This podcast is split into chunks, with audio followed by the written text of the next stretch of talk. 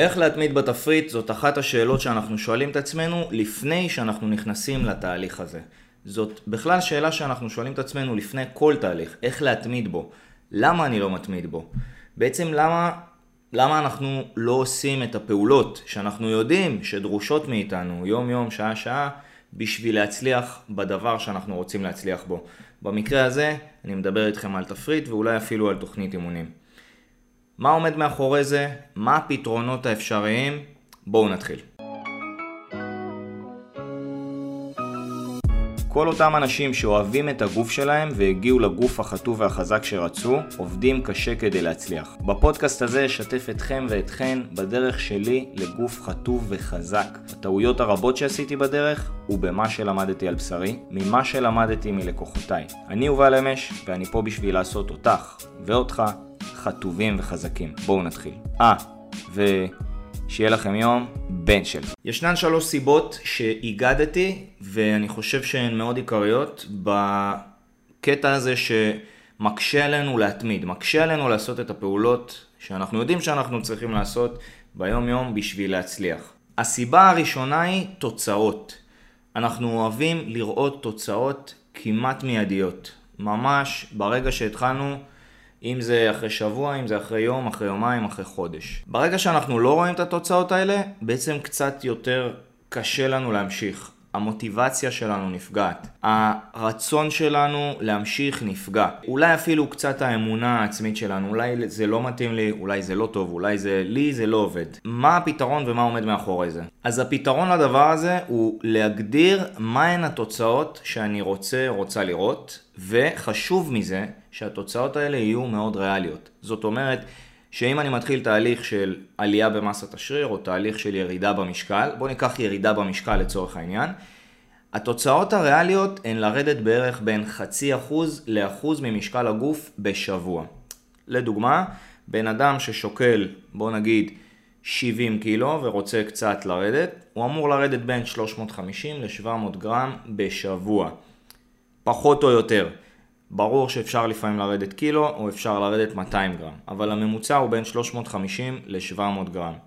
עכשיו, למה אני אומר את זה? כי ברגע שאני יודע מהן התוצאות שאני באמת יכול ואפילו רוצה לראות, ככה כשהתוצאות האלה קורות ואני לא מצפה לרדת 2 קילו בשבוע או 4 קילו או 10 קילו בחודש, ככה אני מבין שהתוצאות שאני רואה, בין, בין אם הן על המשקל ובין אם הן תוצאות אחרות שתכף אני אדבר עליהן, אז אני יודע שאני באמת עומד בתוצאות. זאת אחת הסיבות, בעצם אנחנו כן רואים תוצאות, אבל אנחנו לא מייחסים להם את החשיבות הרבה שיש להם. אותו דבר בתהליך עלייה במסה, אני מצפה לראות בערך עלייה של קילו בחודש, משהו כזה.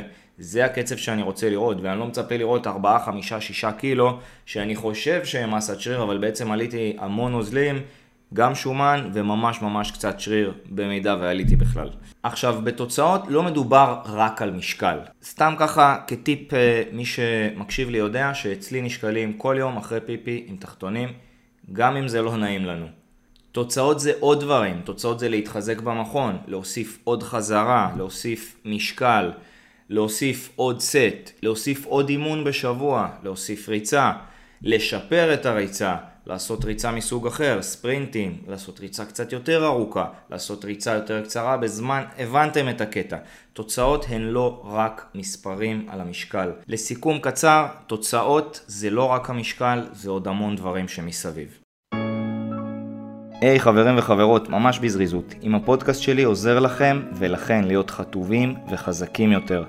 אשמח אם תוכלו לשתף ולדרג אותו כדי שנוכל לעזור לעוד אנשים להיות יותר חטובים ויותר חזקים.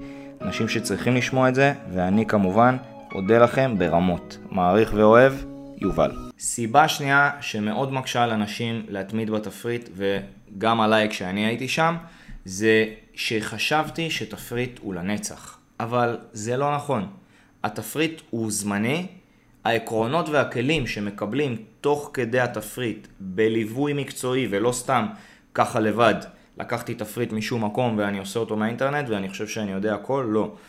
הכלים והעקרונות שהם מקבלים יחד עם התפריט הזמני הם הנצחיים. זאת אומרת, אני לא נכנס עכשיו לחיטוב בהרגשה ש... מה, כל החיים אני אהיה בחיטוב? מה, כל החיים אני אצטרך להגביל את עצמי באוכל? אז אולי להגביל את עצמי באוכל, חלק מהאנשים כן יצטרכו, כי יש להם נטייה לקצת יותר אכילה רגשית, או נטייה להשמנה, אבל זה לא שתהיו כל הזמן בתפריט ותאסרו על עצמכם לאכול דברים שאתם אוהבים, ממש ממש לא. התפריט עוזר לנו להבין מה האוכל מכיל, כמה לדוגמה יש בקוטג' או ב-100 גרם אורז או ב-200 גרם חזה עוף.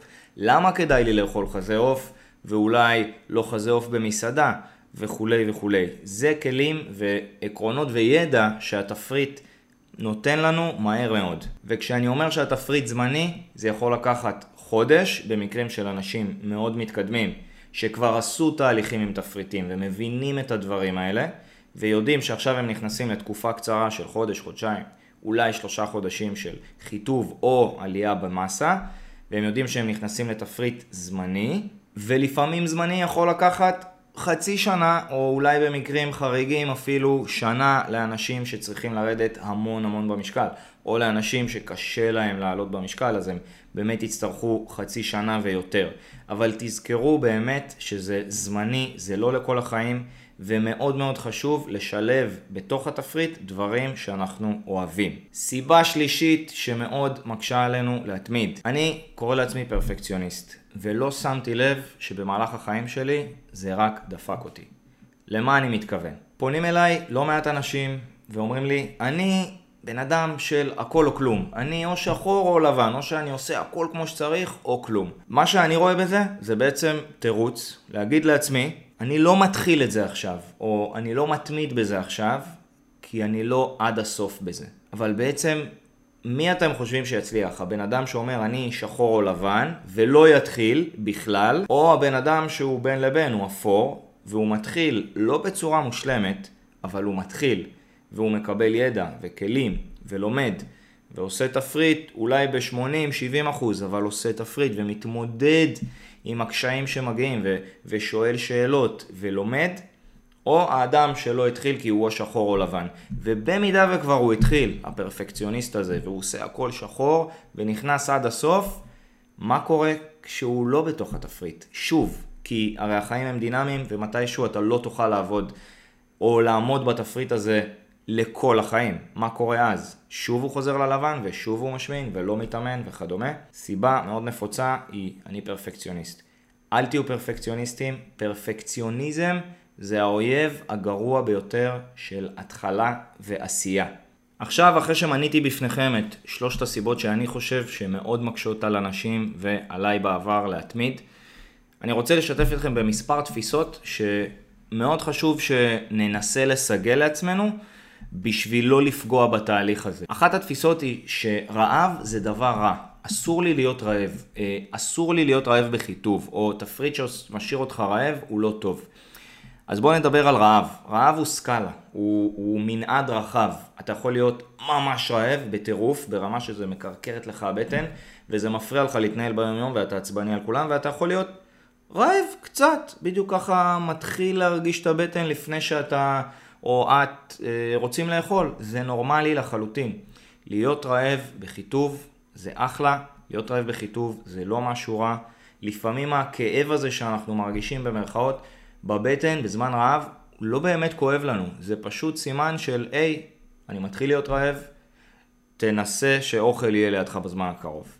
תפיסה שנייה שחשוב שתהיה, אמרתי את זה מקודם בסרטון, חלק מתפריט צריך להיות בו פתרונות לימים שהם אינם בשגרה. זאת אומרת, אנחנו נפגשים עם חברים, יש לנו חתונות, יש לנו אירועים, יש לנו שבתות ושישי. הימים האלה הם לא שגרתיים, בדרך כלל ראשון עד חמישי נראה אחרת.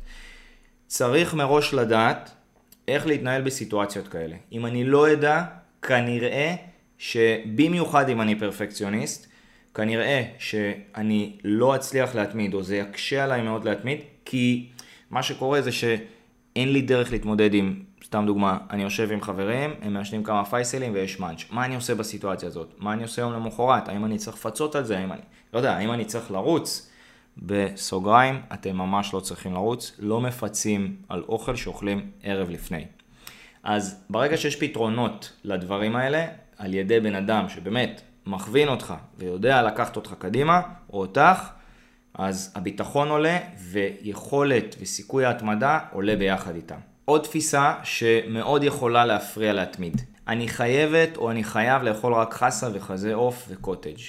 ממש לא. שוב אני חוזר לנקודה הקודמת. חייב בתפריט להיות מאכלים שיהיו לכם טעימים, ופתרונות לסיטואציות חברתיות כמו ישיבה עם חברים, חתונות וכדומה. אבל הסיבה שכל הזמן בתפריטים יש חזה עוף, קוטג', מאכלים שהם עתירי חלבון, הרבה ירקות, משום שהמאכלים האלה מאוד מאוד משביעים, הם מזינים את הגוף שלנו לא רק בשביל השרירים, אלא יש עוד הרבה דברים שחלבון עושה בגוף, כמו מערכת חיסונית למשל, וזה עוזר לנו להתמיד בתהליך. שוב, ברגע שאנחנו מבינים למה, למה אנחנו כל הזמן רוצים לאכול ירקות וחלבונים. אז זאת אחת הסיבות. דרך אגב, אם אתם לא מתים על אורז וחזה עוף, כדאי מאוד שתראו את הסרטונים שלי על איך להכין אורז לעצלנים, הכי טעים בארץ, בשתי דקות, ושני סרטונים על חזה עוף, אחד ברוטב מייפל, קטלני, שאחותי ואשתי לימדו אותי להכין, והשני, חזה עוף הכי פשוט במחבת עם תבלינים, ממש נגיעה של שמן, אבל טעים חבל על הזמן. לסיכום, בשביל להתמיד בתפריט, אנחנו צריכים לזכור, תפריט זה דבר זמני. אנחנו לא הולכים להיות בחיטוב או במסה כל החיים.